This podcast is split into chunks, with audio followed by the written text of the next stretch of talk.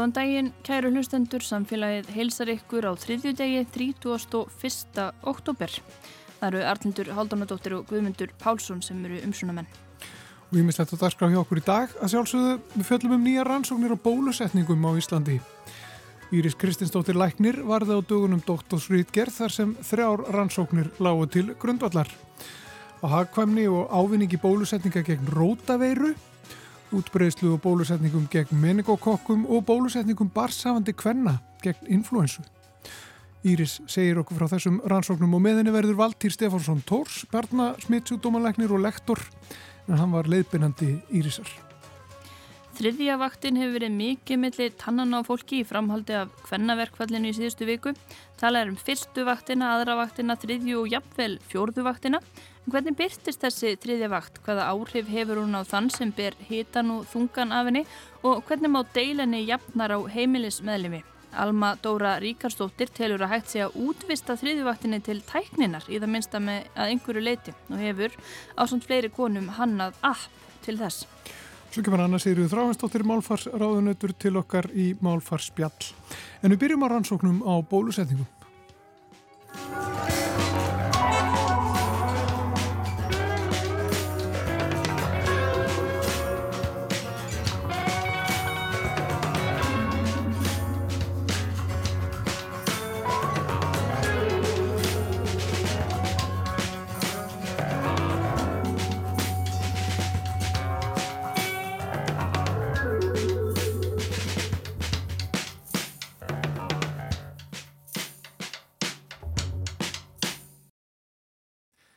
Tala þessum bólusetningar uh, næstu mínutunar hér í samfélaginu og þau eru sest hérna hjá mér Íris Kristinsdóttir sem er læknir og nýdoktor og Valtýr Stefánsson Tórs, barnasmitt, sjúkdómanlæknir og lektor. Uh, Íris, þú varst að verja doktorriðgerð til haf mikið með það. Takk fyrir. Uh, þar sem að, að þú fjallaðir um bólusetningar og þrjá rannsóknir ekki satt sem að þið reyðust í þú og svo er, er Valtýr var leipinandiðin í, í þessu þessu stóra verkefni. Jú, akkurat. Og ef maður spyr sig sko er, er, er alltaf nú að rannsaka þegar kemur að bólusendingum? Bólusendingar eru náttúrulega mjög viðamiklar og það eru, það eru svona stórt verkefni sem er í gangi alltaf hér en má alltaf gera betur og er alltaf tilumni til að, að meta bólusetningarnar. Já, algjörlega og svo er náttúrulega eh, svona spennandi tímar framöndan í, bólusetningar eh, fræðunum, svona ný bólefni við sjóndildarhingin og, og smitsjúkduma náttúrulega þess aðleis að þeir eru svona síbreytilegir þannig að það er, já, alltaf ná að rannsaka og oft svona tilöfni til að hugsa hvort að eitthvað með gera betur eða bæta eitthvað. Já, ég var að velta fyrir okkur bara þessum, þessum þremur rannsóknum sem að, að þið reyðust í þarna. Já. Sko, það er hérna veira sem að ég reyndar þekkti ekki, en það er ég svo sem ekki fagmaður í þessu, þessum fræðum, það er rótaveira og þau voru að rannsaka er það ekki já, bólusendingar gegn þeirri veru? Jú, er rauninni sjúkdómsbyrði rótaveiru og svona físileika þess að fara bólusetti gegn rótaveiru. Til bólefning gegn rótaveiru sem er ekki í nótkunn hérna á Íslandi en er nota við það í Európu og já, svona tilöfni þessar rannsóknar var að meta físileikan og svona kostnar haugkvæmni þessa bólusetting gegn rótaveru Íslandi. Já, og hvað er rótavera? Sko, rótavera er, er veiru síking sem að síkir þá meldingaveg uh, mannsins og, og það er yfirleitt börn og þá sérstaklega börn yngre en fimm ára sem að sko veikjast af þessari veiru og, uh, og það fá allir rótaveru einu sinni eða tvísar áður en verða fimm ára nema ef þau eru bólsett. Og, og kveikjana þessari rannsókn var komið eila fljóðlega eftir ég kom heim á mínu sérnámi og, og ég fór svona að spyrjast fyrir um uh, sko hvort að stæði til að fara bólusetti ekki ekki rótaveru og þá voru svörum svona flest að þá leið að rótavera væri ekkert sem ekki vandamál á Íslandi. Og, uh, og þá fór ég að leita gögnum um, um það en, en uh, það voru engin gögn en við vissum ekkert hver byrðin væri. og, og þaðan spratt þessi rannsókn uh, rannsóknur hugmynd og, og hérna um, og Íris segir ykkur frá síðan raunuru niðurstöðunum að, að, að komur unnveru ljós að, að róta vera er uh, vandamál hér og veldur talsverðið sjúkdómsbyrði. Já. Getur þú sagt okkur hans betur frá því? Já, við genum sérst rannsókn á bráðamótöku batna, þannig að þetta voru börn undir 6 ára sem komu á bráðamótöku batna á batnaspítal Ringsins með svona þessa niðurgangspestir og við sáum í þessar rannsókn að rótaveira er langalgengast ástæðan fyrir komum á bráðamótöku batna með niðurgangspestir og hérna og veldur, já, tölveri sjúkdum spyrði þessi krakkar eru veikari heldur en börn með margar aðra niðurgangspestir, foreldrarnir missa tölvert marga dagur vinnu og það er svona hlýst, hlýst af því tölvert mikill samfélagslegur kostnaður og þess vegna gerðum við svona kostnaðar haugkvæmni greiningu og komumst að því að það væri klárlega kostnaðar haugkvæmt fyrir samfélagið og bólusti gegn rótaveru. Já, og hvar liggur, hvar liggur þessi lína sko? Hvenar er maður komin yfir línuna eitthvað en það fara að borga sig að, að bólusetja? Þetta það eru til ímins bóluefni við ímsu sem eru ekki, ekki nótuð? Já, sko, þessi svona kostnar hagkvæmni greining raunuru, uh, liggur alltaf raunuru, eða byggist árunuru verði bóluefnisins og, og það er til dælu einfalt að meta beinan kostnar. Hvað kostar komur á bráðmáttökuna og sjúkruhús innlagnir og livja meðferðir og annað slíkt og þannig að það er til dælu einfalt að, meta bara með beinum hætti og svo berðu það saman við verð bóluefnisins. Um, og síðan er hitt sem að Íris var að minnast á sem er þessi samfélagslegi kostnaður sem að hlýsta af, af vinnutapi og mingari framleiðni og þetta eru viðkjönda leiðir til þess að, að meta það. En auðvitað er grunn ástæðan fyrir því að taka upp bólusetningar auðvitað til að verja börnin gegn síkingunum það er alltaf nummer 1, 2 og 3 mm -hmm. og, og það er með þetta bólefni hefur það verið sínt fram á það í löndunum í kringum okkur og út um allan heim að það, það gerir það án vafa. En um, hins vegar þeir sem að, eða þau sem, sem halda utanum buttun á er að skipulegja bólusetninga þurfum þetta líka hugsa um kostnaðin og, og við sem helbriðinstarfsfólk verðum líka að taka þátt í þeirri vinnu. Mm -hmm og þannig er niðurstaðan svo að þetta bara borgi sig hreinlega. Og hver, hver heldur þetta um byrjunum, hver ákveður hvort það er ráðast í að kaupa þetta bóluefni og fara í það að bólusetja börn gegn rótaveru? Um, já, hver ákveður á endanum það er, um, það er uh, sóttvarnar ráð sem að, að uh, legg leggur fram tillögu um ákveðin bóluefni og, og leggur það fyrir sóttvarnalegni en, en síðan er það á endanum helbrísráðuniti og svo fjármálaráðuniti sem mm. ákveða hvort að þeim finnst þetta að vera þess verið. Já, en núna eru gögnin til mm -hmm. og, og niðurstaðan er, er klár að þetta borgar sig og, og þið mæli með því. Við mælum eindreið með því og erum svo sem búin að vera að, að hérna, ringi þessari björli í nokkur ár sko. Já.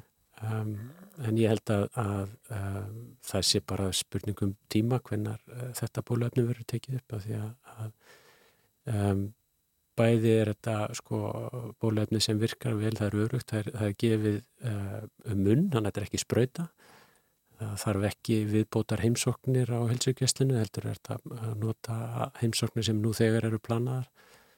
Þannig að hérna, þetta er, er svona Uh, eins og mann segja í, í fótboltanum sko, svona tappin, það er bara að bota boltanum yfir línuna sko. Já, annað sem að, þið rannsökuðu var, voru meningokokkar sem að uh, er bakterja uh, sem að getur valdið til dæmis heilæðinu bólgum og, mm. og það er bólusettir það ekki, eða hefur verið eitthvað bólusett gegn meningokokkum? Jú, það hefur verið bólusettir í Íslandi gegn meningokkum sé síðan 2002 Mm. Og svo voru gerða breytinga núna síð sumars e, í ungbarnum bólusetningunum þannig að núna fá krakkarnir fjórugilt bóluefni sem sett gegn fjórum mismunandi típum af þessum minningokokkum. Og hvernig, hvernig var ykkar ansókn þá á, á því? Við sérst söpnum sínum frá leikskólakrökkum og tíundubekkingum og mentaskólanemum og vorum að aðtöfa hversu algengt það væri, væri að börn og, og ungt fólkunglingar bæru þessa bakteríu að það er hægt að hafa berana í sér án þess að hún valdi síkingu og það er í raun mun algengar heldur að fá síkinguna, síkingarna eru sjálfgefar um, þannig að við vildum sjá bara hversu algengt það væri að fólk á Íslandi væri með þessa bakteríu og svo þá hvaða típur fólk væri með uh, varðandi það hvort að það væri ástæð til þess að fara í huga hvort það ætti að breyta bólusetningunum. Já, og er ástæð til þess? Sko nú er náttúrulega búið að breyta og það var gert uh, já, í rauninna því að þetta bólefning gegn bara menningu og hvað kom sé var ekki lengur fáanlegt þess Mhm. vegna var breytt sko um, Já, það er ástæð. Já, það er ástæðan, það er Já, ekki já. niður stöðnur okkar ansvökk sem var urðið til þess að- bólusetningunum var breytt Nei, og ekki bara til þess að hafa breyðari vörn. Nei, að því að sagt, uh, þessar típur sem eru í þessu fjórukilda bólefni eru allar greiðlega sjálfgjafur í Íslandi. Við bæði fundum ótrúlega fáa sem báru þessar típur. Uh, enga með, með C og, og hérna, A sem eru tværa þessum fjórum. Um, og svo eru já, meningokokka síkingar orðnar gríðarlega sjálfgjafur í Íslandi eftir að fara bólusetti hérna 2002. Já, einmitt. Og, og það er, það, þau gögn eru bara alveg skýr. Að, að bólusetningar gegn meningokokkum, það er bara að hafa gefið mjög góða raun. Já, alveg, alveg stórkvastlegt og þannig kringum aldamótin var, var þessi sjúkdómur stórt vandamál þó að síkingarnar hafi verið sjálfgjafar en þetta eru alvarlegar síkingar alltaf heilemnubólgu og blóðsíkingu og mjög alvarlegum veikindum. En undanfæran ár hefur þá verið mjög sjálfgjæft og um, og það, kveikjana þessari rannsókn var ekki svo að það væri svo mikið vandamál með þessar alvarlegu síkingar hér heldur sáum við í löndunum í kringum okkur voru að koma nýjar tegundir af þessum meningokokkum.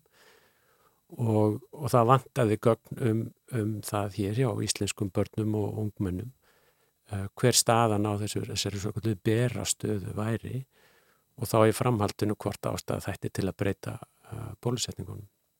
Þessi uh, svo kallu faraldsfræði meningokokkana er uh, mjög breytileg og, mjög ódreiknaleg um, og uh, rannsóknirinn Írisa sem var ekki bara, bara fjalla um það hverjir bæru heldur þeir sem að bera, hvað eru þeir lengi með bakteríuna í hálsinum eða nefnkókinu og, og, og, og hvernig þeir tengjast og það var mjög uh, voru spennandi niðurstöður og, og raunur þessi rannsóknirinn Írisa var svona lengsta eftirfylgni rannsókn sem við vitum til að hafa verið byrst.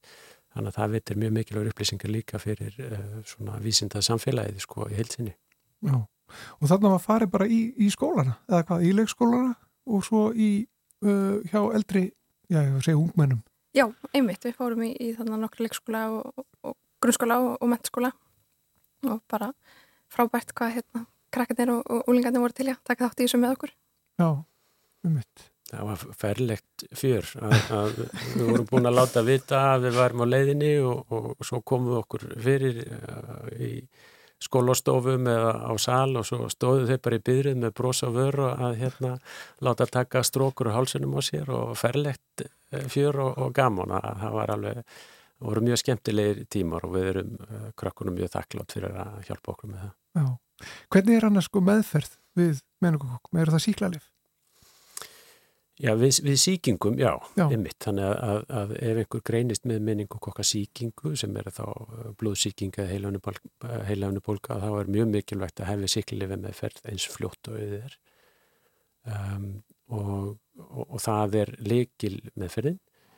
En varðandi bera stöðuna þar að segja ef einhver ber þessa bakteri í, í kokinu, að þá er almennt ekki mælt með því að meðhundla það með síklifi.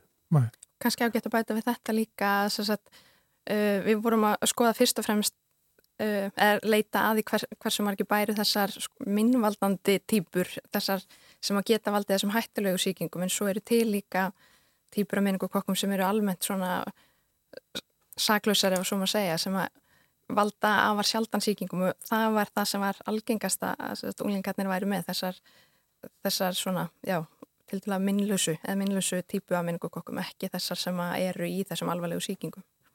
Og er það bara að algengt að fólk beri, beri þessa bakteríu? Um, er núna sjálfgjara heldur margar aðrar um, og það var mest af, eða við fundum bakterin hjá sko flestum í, í ungmennahopnum þar sé að við fundum ekkert hjá, hjá leikskólabötnum og, og, og örfá hjá tíundu bekkingum en, en flestar af þeim sem fundum voru hjá mentaskólanemunum uh, og það passar við gögn annar staðar frá sko. Mm -hmm. Svo er þriði hlutin af, af þessum rannsóknum sem eru uh, bólusetningar barsafandi kvenna uh, influensu bólusetningar þessu, þessu tilfelli um, er það uh, leið til þess að já, verða börnin Já, strax í móðukviði eða hvað? já það vernda börninni fyrstu mánuðum lífs að þau fá þá mótefni í gegnum fylgjuna uh, og eru það varin gegn influensu svona á þessum fyrstu mánuðum. Að bólusetning barnsamandi kvenna gegn influensu, sérst að vera bæði mömmuna gegn influensu og svo barnið eftir að það er fætt á, á fyrstu mánuðunum. Og hvernig er það rannsakað? Er það uh, verðandi mæður sem að hafa farið í influensu bólusetningu annars vegar og svo þær sem hafa ekki gert það? Er þetta átak að, að bólusetja uh, barsafandi konur og, og mæla svo niðurstöðuna? Þarna fengum við gögg frá landlægarsambættinu úr bólusetningagrunni uh, og gátum þarna séð hversu stort, uh, já, hversu hlutvöld barsafandi kvenna hefur fengið influensu bólusetningar á síðustu, ef við tókum hérna tíu influensu tíumbil frá 2010 til 2020 og sáum þarna að e, það má sannlega gera betur hvað varðar bólusetningar barsafandi kvenna gegn influensu, hækkaði sem betur fer yfir tíman en, en samt vel undir helmingur á síðasta tímabilinu sem var inni fallið rannsóknir sem að sérst, fær bólusetningu gegn influensu á meðgöngu. Og uh, sko, það er oft talað um það að börn séu varin uh, gegn mörgum sjúkdómum um, Mhm. þegar þau fæðast að þá sé þá séu þau með mótefni eða einhvers konar varnir uh, en er það ekki tilfellið þá þarna? Já, sko, það, það er mitt alveg rétt að, að, að batnið nýtur góðs af því að, að fá mótefni frá móðurinn í gegnum fylgjuna og er varin gegn mörgum smittsjúkdómum með mitt fyrstu mánuðina. En síðan þverra mótefnin eftir því sem að batnið eldist. En, en influensin er, er ólíkind á tól þannig að influensan breytir sér alltaf lítilega á, á hverju ári.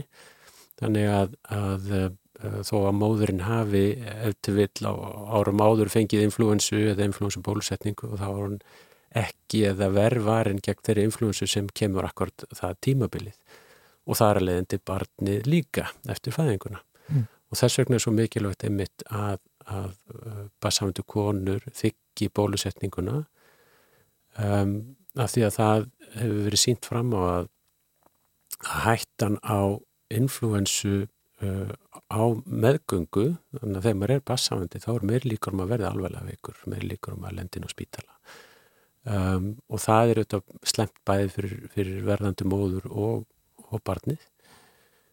Og uh, og síðan sjáum við í þessari rannsókn sem að hefur líka verið sínt frá mannastæðar að það veitir sko góða vörn fyrir barnið eftir fæðinguna alveg fyrstu, að mista kosti sex mánuðin og mögulega, mögulega alveg fyrsta æfi árið sko.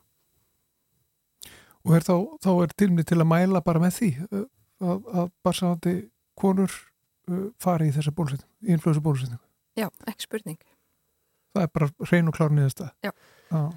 Og í raun og veru er það þannig, ég minna það, það er landlegnir og, og sótarnalegnir mæla með því fyrir bassafandi konur að þykja influensu bólusetningu og, og, og það hefur verið þannig lengi.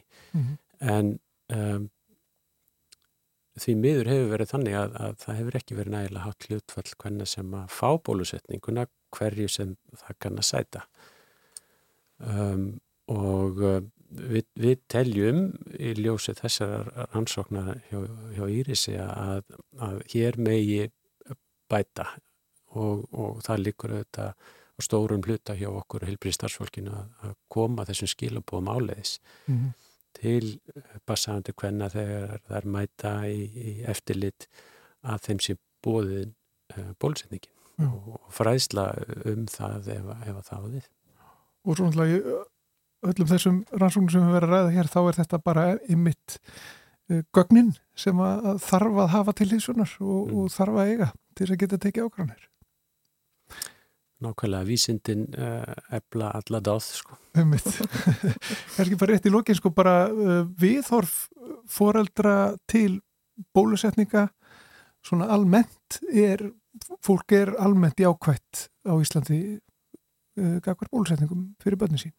Já, almennt er það þannig hérna á Íslandi og hefur verið með þess að rannsaka hérna uh, á Íslandi og fóreldrar eru hlindi bólusetningum og, og í róta verið rannsókninni okkar spurði við fóreldrarna í mitt hvort að þau væru hlind því að, að sest, bólusetning gegn grótaverði er þið tekinu upp og það var vel yfir uh, já, var um 90% fóreldra sem var hlind því.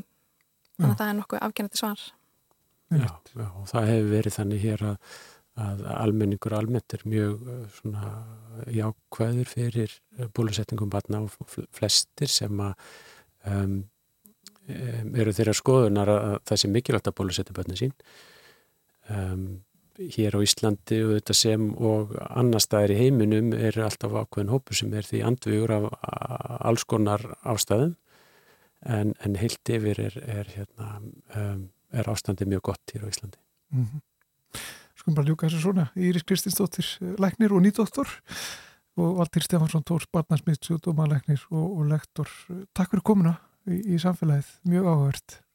Takk fyrir okkur.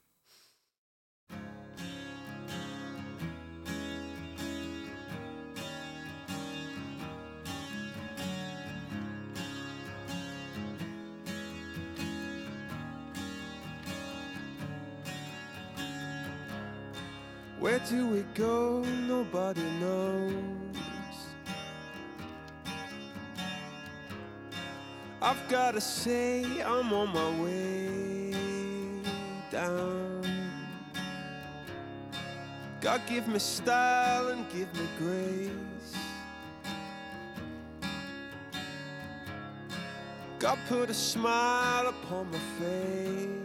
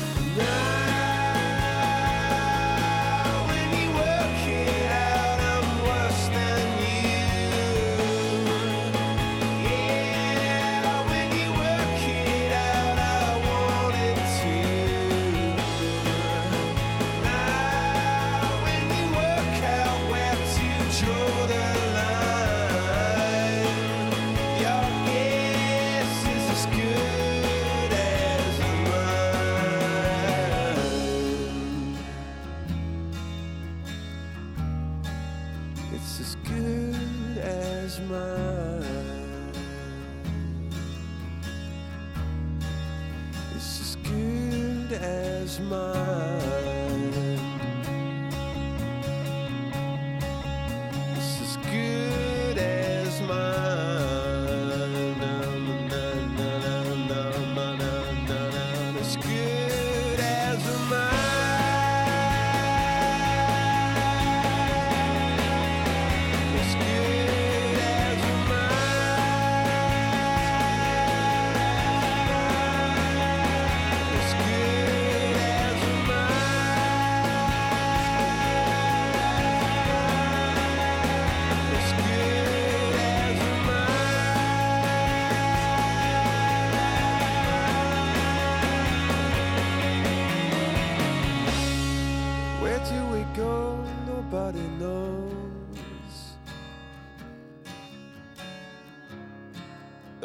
Say you're on your way down when God gave you style and gave you grace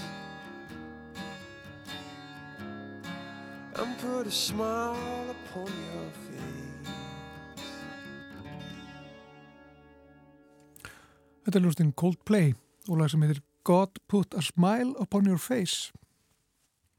Já, og þá er hún komin hingað hún Alma Dóra Ríkarstóttir viðskiptafræðingur, sérfræðingur í jafnbreytismálum og framkvæmdastjóri fyrirtækisins Heima. Velkomin í samfélagið Alma. Takk fyrir. Uh, þú ert sér satt einn þeirra sem stendur að þessu appi Heima sem að svona á að skipta húsverkum og, og huglægu byrðinni af heimilshaldi, jafnar á milli sambílinga og við ætlum að ræða við þig um þetta app og svona máttækninar en líka bara almennt um þetta fyrirbæri þriðjuvaktina. Að þú bara segir mér uh, hvenar heyrðir þú fyrst af þriðjuvaktinni og svona, hvað, hvað er hún fyrir þér? Algjörlega. Um, ég held að það vera árið 2019 eða eitthvað svo leiðist þegar ég byrjaði að starfa sem sérfæðingur í jafnbreytismálum hjá stjórnaráðinu, flakkaði millir fjögura ráðunita yfir tveggjóra tímubil. Og ég held að það hefði mögulega verið á degi þrjú sem að ég heyrði þetta, þetta hugtæk, húran byrði og, og svona tengingin við sko ójafna skiptingu heimilisverka og, og hvernig það er þetta þræðeila öll jafnbreytisvandamál aftur til ójefra skiptingar heimilismerka á milli, milli kynjana en konur vinna sagt, 75% af slíkum störfum á heimsvísu og þegar sagt, þarna, það er talað um stó, í stóru samiki heimilisverk þá er það öll heimilisverk, öll umunnaverk og skipulegstarf í kringum heimilið sem sagt önnur og þriðjavaktin. Um, þriðjavaktin er rauninni samheiti yfir uh, sagt hugræna byrði og þá er talað um fyrsta vaktin, það er litt launaðastarf, önnu vaktin eru húsverkin, öll fysisku verkin sem þú vinnur og þriðja vaktin er síðan alltaf ósynlega sem, ósynlega sem gerist inn á heimilum til þess að bara heimilið hérna reki sig og öll, allt skipulægið, öll ábyrðin, um, að bera ábyrð á því að allir boltar haldist á lofti og dætt ekki í gólfið og fleira.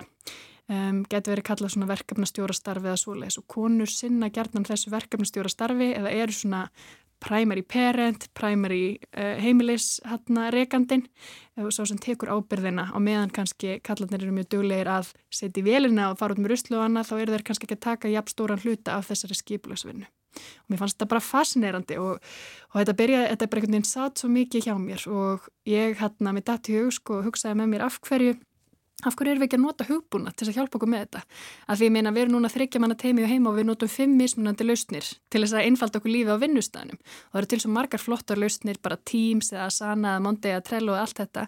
Af hverju erum við ekki með svona lausnir fyrir flóknasta og svona um, mikilvægasta teimistarfi sem við vinnum sem er náttúrulega að láta fjölskyldun okkar uh, regast og, og, og halda áfram og líða vel og allt þetta. Þannig að þaðan í rauninni kemur hugmyndina heima. Já, og ég er hérna bara með appi, ég er bara hlaðið niður, eh, það er ókipis mm -hmm. og mhm. hérna til dæmis skoða ég bara vikuna og ég get hérna, þetta er svona búið einmitt leikjavæði þetta svolítið þar sem ég get sett hérna, ég hafi farið í búðina og kefti inn, eh, ég hafi vöku blóminn, farið út með ruslið, en það sem, að, það sem byrtist hér á sammeilegt er að þetta eru svona dæmigerð annarar vaktar störf ekki satt.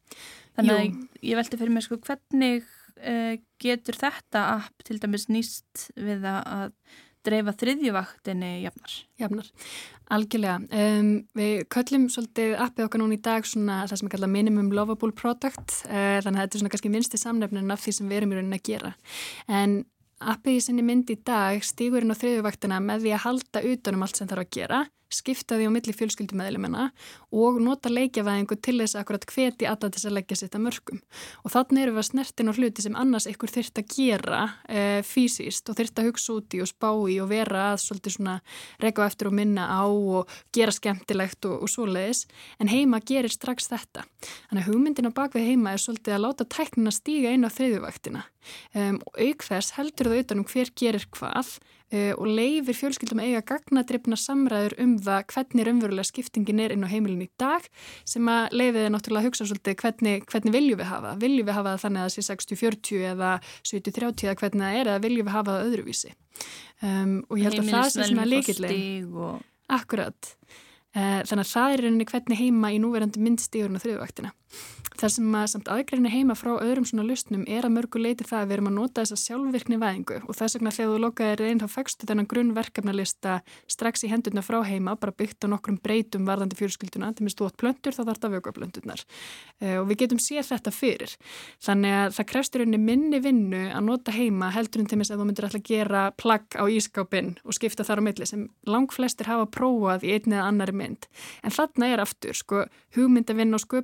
mynd. Annað sem er hugrann byrði sem oft endar á konum að búa til einhver skemmtileg system til þess að fá krakkana til þess að taka þátt, hvetja þau áfram, e, láta þau sjá vergildi í því allir hjálpist að.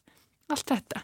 Þannig að það er hellings í rauninni svona kannski á bakvið tjöldin sem að á sér stað í núverendum mynda af appinu sem spilar inn á þriðuvaktina en það mun stækka og verða miklu meira og þetta er algjörst áherslu aðrið hjá okkur að heima aðstóði fjölskyldur bæði við aðra og þriðuvaktina. Og svo er þetta með að, að bera ábyrð á því sko að aðrir taki þátt og allir taki þátt í, í þriðjuvaktinni í svona gagginja samböndum endar það ekki ofta á, á herðum hvenna? Jú. í rauninni og þá kannski komin einhvers konar fjórðavakti í tí hvenar þetta er orðin fjórða, fjórðavakti stýra hliðvaktinni uh, Við tölum oft um gagkinapör í, í hérna, samhengi við heima vegna þess að vandamáli er, er langstæst uh, hjá gagkinapörum miklu stærra heldur en hjá samkynapörum og, og öðrum pörum. Það er í rauninni það eru svo mörg öll sem eru þarna verki og núna kem ég náttúrulega út úr þessu sem mannski sem hefur sérhæft mig mikið í jafnbretti smálum og hérna kynjafræði og, og það er náttúrulega þarna baki eru menningarlegar og sögulegar ástæður sem fara bara mjög langt aftur og það ætlast til þess að tvær mannsku setjast niður sem hafa kannski yngar fórsendu til þess að ræða þessi mál út frá sko hvaða valdatengslu annað eru spilað þarna inn í. Það er mjög erfitt og þetta er mjög svona personlegt, þetta, mjög, þetta tengist mjög inn í tilfinninga hvernig fólki líður og jafnvel skömm um, Þetta spilar inn í sko hvernig við byrjum virðingu fyrir makanum okkar, hvernig okkar, þú veist, nánd spilast út frá því hvernig við hann einhvern veginn tólkum sambandi okkar og fleira og það er svo ótrúlega flóki að gera það einhvern veginn á individual basis og þess vegna viðgingst þetta vandamál og fer frá einni kynslu til annarar þrátt fyrir að sé náttúrulega mjög mikill munur á þessari kynslu sem er núna reyka, reyka heimili og, og þeirra sem áður voru. En það ber ennþá svona keima því að konur voru inn á heimilunum. Þær voru með ábyrðina á þessu og voru að gera þetta allt saman. Svo í dag eru konur og kalla bara nánast jafn mikið að vinna eh, fullan vinnudag koma síðan heim til sín og konurna bera 75% ábyrða heimilinu líka. Og þetta til dæmis veldu því að konur og Íslandi eru tvöfall líklega en kallað til þess að lenda í kulnun um, sem er náttúrulega bara ósjálfbært og það verður að breytast. Og við teljum eina leginn til þess að hjálpa fólki að breyta þessu sí að gefa því nógu góð verkfæri til þess að geta tekist af vandamálið á svona gagnadrifin og uppbyggilegan móta. Já. Og stundum að tala um að, að e, konur þurfi bara að vera duglegri að sleppa tökunum. Þetta mm. sé svona einhver svona einmitt arfleðingus mæðiraveldis og þær þurfi bara hægt að vera með þessa fullkomnir ártu, trista uh, makasínum og, og, og svona leifa þeim að stíga inn í þetta. Hvað segir við því? Er það kannski bara lausnin á þessu öllu saman? það væri náttúrulega mjög öðvelt að það væri lausnin, en það er bara ekki svo einfalt. Það er ákveðið sannleikskotn í því að konur eru oft sá sem að grýpur fyrst til, sá sem að fer fyrst og lagar og er kannski fyrst til að taka eftir því að eitthvað sé að. Um, og marga konur eiga erfitt með að horfa til mis upp á hlutinni sem ekki gerðir eftir eigin höfði og fleira.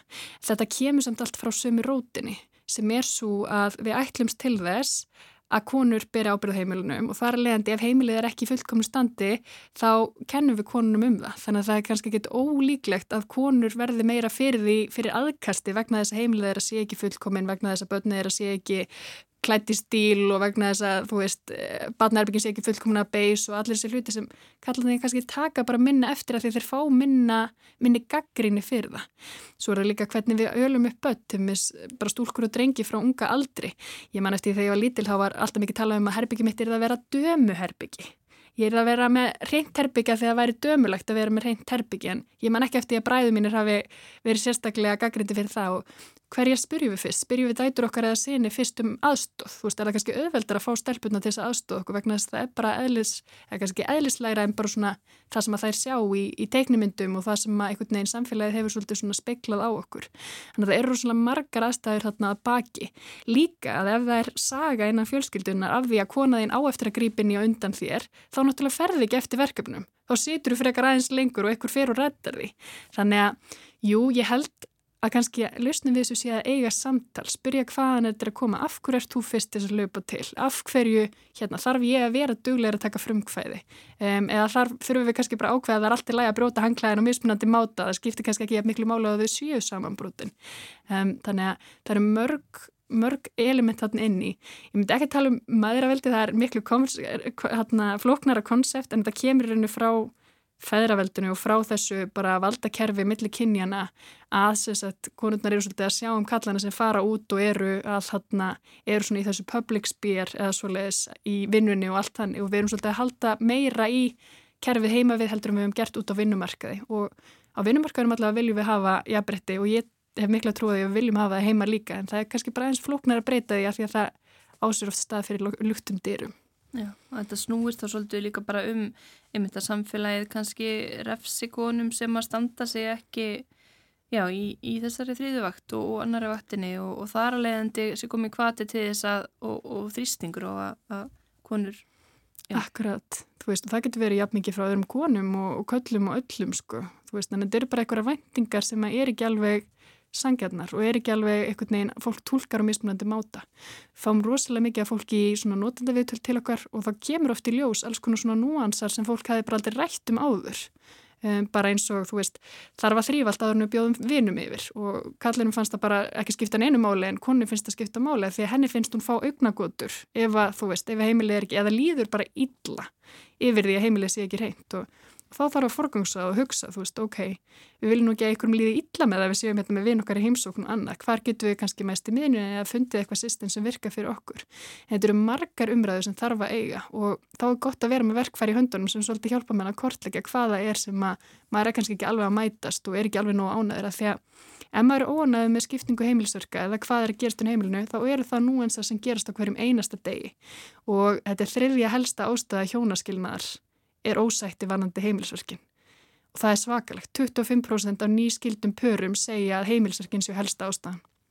Og þá vantilega líka þessi ósýnulegu en svo að að skoða nettilbóð á, á kuldagölum eða ákveða hvaða uppeldisnámskeið og fara á eða eitthvað þess að það. Já, velja jólagjæðirnar, þú veist, marga konu velja jólagjæðirnar fyrir alla og er að hugsa allt árið, hvað ég var að kaupa, hvað sagði mamma þín að hana vantaði og hvað, hérna, hvað myndi passa fyrir þennan og, og það þurfa að vera til stíguvél fyrir haustið og það þarf að, þú veist, það er svo margar þú veist, treyðavektin er svo ótrúlega stór og við höfum upplegað svo stert að við byrjum með heima þarna 2020 þegar við vinnum gullleggið og þá var bara ekki til þetta orðtak við nótuðum bara ekki þriðja, þriðavaktin og við vorum svolítið að tala um hugrannu byrðina þá og við þurftum alltaf að hafa að kynna það, hvað er það?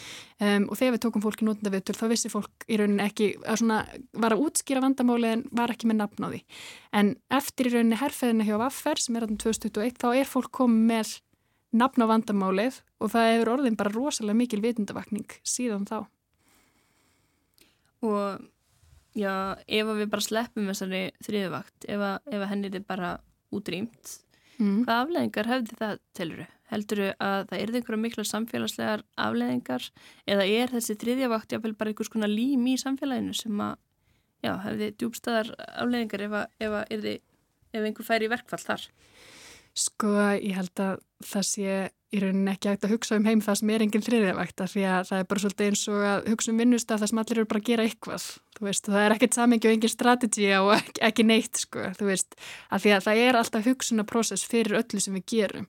Það er ekki bara þannig að þú farir í búin og kaupir eitthvað það þarf að skoða í skápana hvað er til, það þarf að ákvæða hvað er í matin og kaupa réttu ráöfnin í matin og það þarf að ákvæða hver fyrir búðina og fyrir hvernig stiðst að fara í búðina þetta er alltaf ákvæðuna seria fyrir allt sem við gerum og við köllum hana þriðuvaktina. Þannig að ef enginn skipulegur neitt og enginn heldur utan um neitt og enginn tekur ábyrð á neinu, þá held ég að við værum í nokkuð vondum málum. Eh, þannig að ég held að þriðjavaktin eða þessi hugræna byrðir sé bara hluti af, hluti af því að reyka heimili, stór hluti af því að reyka heimili. Um, þannig að ég held að það sé ekki hægt að algjörlega útrýmina en það er hægt að láta tæknina stiga inn og aðstóða okkur við það sem hún getur aðstóða okkur við, það sem er fyrir sjáanlegt og það þurfa allir ríksu eða það þurfa allir að e, halda utanum fatastærði barnana sinna og það er fleira sem þarf að gera og við getum aðstóða með það og þá er frekar hægt að eyða tímanu sem það sparast í gæðastundum í fjölskyldunni og kannski í samræður um það hvernig er að deila restinni af friðuvaktinni sem ekki er hægt að útdeila til tækninar. Og þú segir að appi sé í, í þróun, þessi er svona bara rétt að byrja, mm. þannig að kannski er þá framtíðin að já, þetta fólk getur bætt sjálft inn einhverjum verkum og þá getur mm. fólk sett bara hérna varði 45 mínútum í að skoða uh, jólagjafir fyrir helstu ættingja og þá er það orðið sínilegra Akkurat. en ekki bara eins og einhver hafi verið að hangi í símanum og gera ekki neitt. Nákvæmlega, algjörlega uh, og líka bara fólk fái stig fyrir það ef það er að þeim er spæta við verkefni sem gerast bara einu svona einu sunni inn í heima eða senda kannski áminningar á aðra um verkefni sem á eftir að vinna og fleira. Þú fáir raunin stig ekki bara fyrir að vinna verkefni en heldur líka fyrir allt sem gerðist áður til þess að verkefni hafi komist í verk. En við erum með, ég er með rosalega næstapönda minn Sigurlega Guðrún, hún er ekkert smáflottur fóröldari og svo erum við með hann Tristan og þau eru að vinna hörðum höndum að því að gera þetta bara að flottasta skiplásfóröndi fyrir fjölskyldur í heiminum og við öll þrjú. Þannig að það er okkar markmið og þess er svo mikilvægt að, að fólk prófi og láta okkur vita hvað þið finnist. Það er að finna bæðið á App Store og Play Store og við tökum móti bara öllum aðtjóðasemdum og endurgjöf og öllu fagnandi að því að okkur langar að búa til tól sem virkilega, virkilega hendar fjölskyldum uh, og mjög margir á Íslandi sem eru ótrúlega ánæði með þetta og, og hefur nýst vel um, en það nýtist náttúrulega kannski misvel í mismunandi fjölskyldu aðstæðum en, en vonun okkar er að reyna að búa til vöru sem getur nýst bara öllum. Þið stefni setjum við markið hátt. Takk helga fyrir, fyrir þetta Almadóra Ríkarsdóttir. Takk fyrir mig.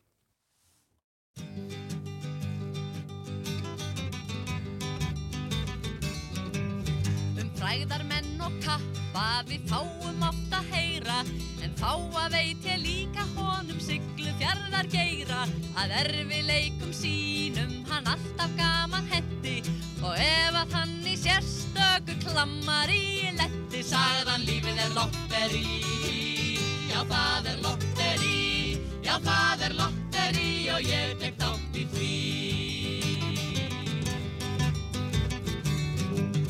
Í æsku hans á böllum voru áflótt fastur liður Og manna fyrstur var hann jafna slegin niður.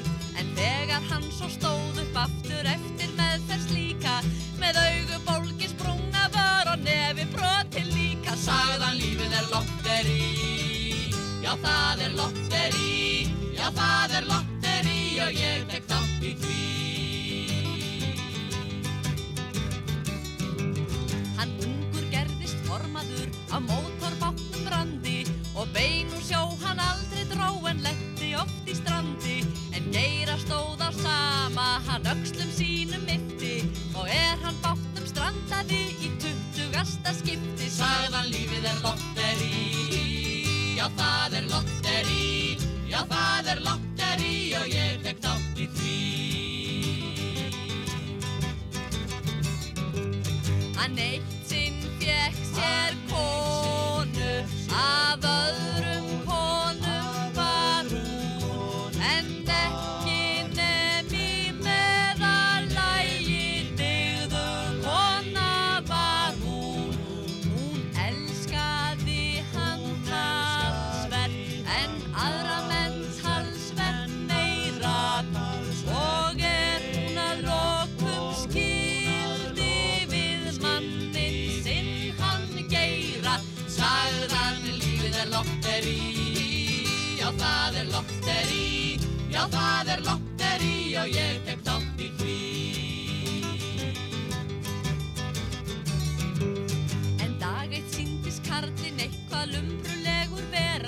og læknarnir þeir tóku hann og fóru strax að skera. Og er þeir höfðu burt úr honum skorið fleir og fleira. Svo fækkað hafði stórlega inn í blummi geira. Sagðan lífið er lotteri já það er lotteri já það er lotteri og ég tek þátt í því. Og kvöld eitt fekk hann aðkenning af alvarlegu slægi og innan stundar fekk hann slag af miklu verra tægi og þegar nóttin lagðist yfir haf og yfir hauður og heiðurskallin geiri virtist loksins alveg dauður. Sagðan lífið er lotteri já það er lotteri já það er lotteri og ég tek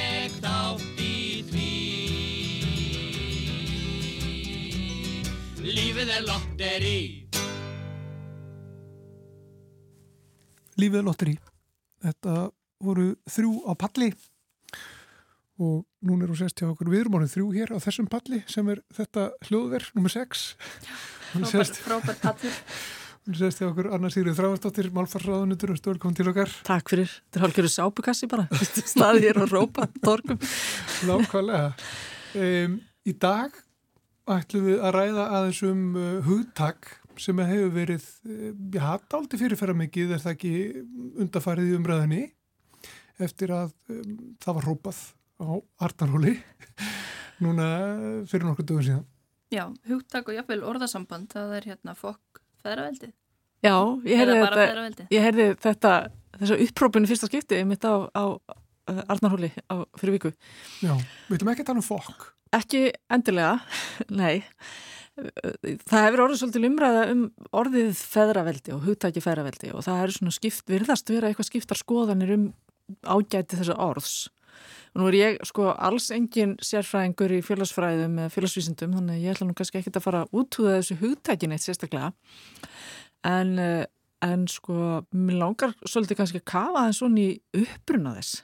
Vegna þess að það sprettur ekkert úr einhverju tómi orði feðraveldi og uh, samsvarandi, já samsvarandi og ekki samsvarandi, hvað var að segja, orð sem er myndað á sama hátt sem er orðið maðuraveldi. Uh, þessi orð eru íslensk þýðing á orðunum patriarki ef við gripum til ennskunar og matriarki en þau eru komin úr grísku. Og, og þetta hefur eitthvað með stjórnskipun að gera. Við sjáum það af síðari liðnum veldi sem er reyndar dreigð af orðinu vald en er líka notað um ímis um form af, af ríki svo sem eins og líðveldi og einveldi.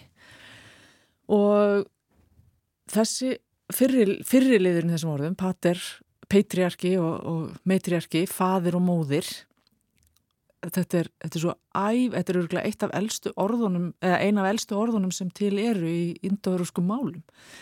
Og þau eru svona lík og skild í öllum öllum indoveruskum tungumálum og þetta eru orðin mater og pater sem að mér sýnis, ég nú ekki heldur ekki sérfræðingur í, í, í hérna í endurgerð orða en mér sýnist svona orðsifja bókum að þessi, þessi orðsifju hafi verið nokkurn veginn í þessari mynd í indoevrósku sem að er sko formóðir allra þeirra tungumála sem eru töluð svona, ekki allra, margra þeirra tungumála sem eru svona töluð vestrænum heimi og margra annar líka.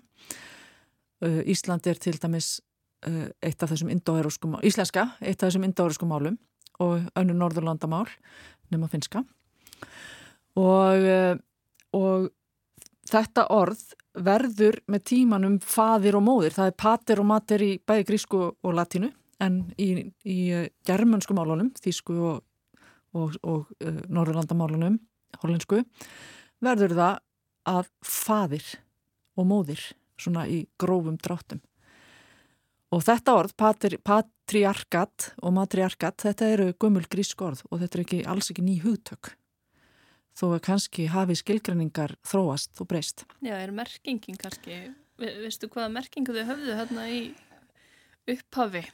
Ég er svo sem ekki alveg, þú eru kannski ekki alveg að fullir það um svona merkingar þessara flóknu hugtaka því þetta er vissulega flókið en þetta snýst nú svona svolítið um stjórnskipan að einhverju leiti og, og eftir því sem ég hef lesið og tala ég þá mjög óvarlega að þá hafi nú aldrei verið til hrein mæðraveldi en aftur á móti hafi verið til hrein feðraveldi.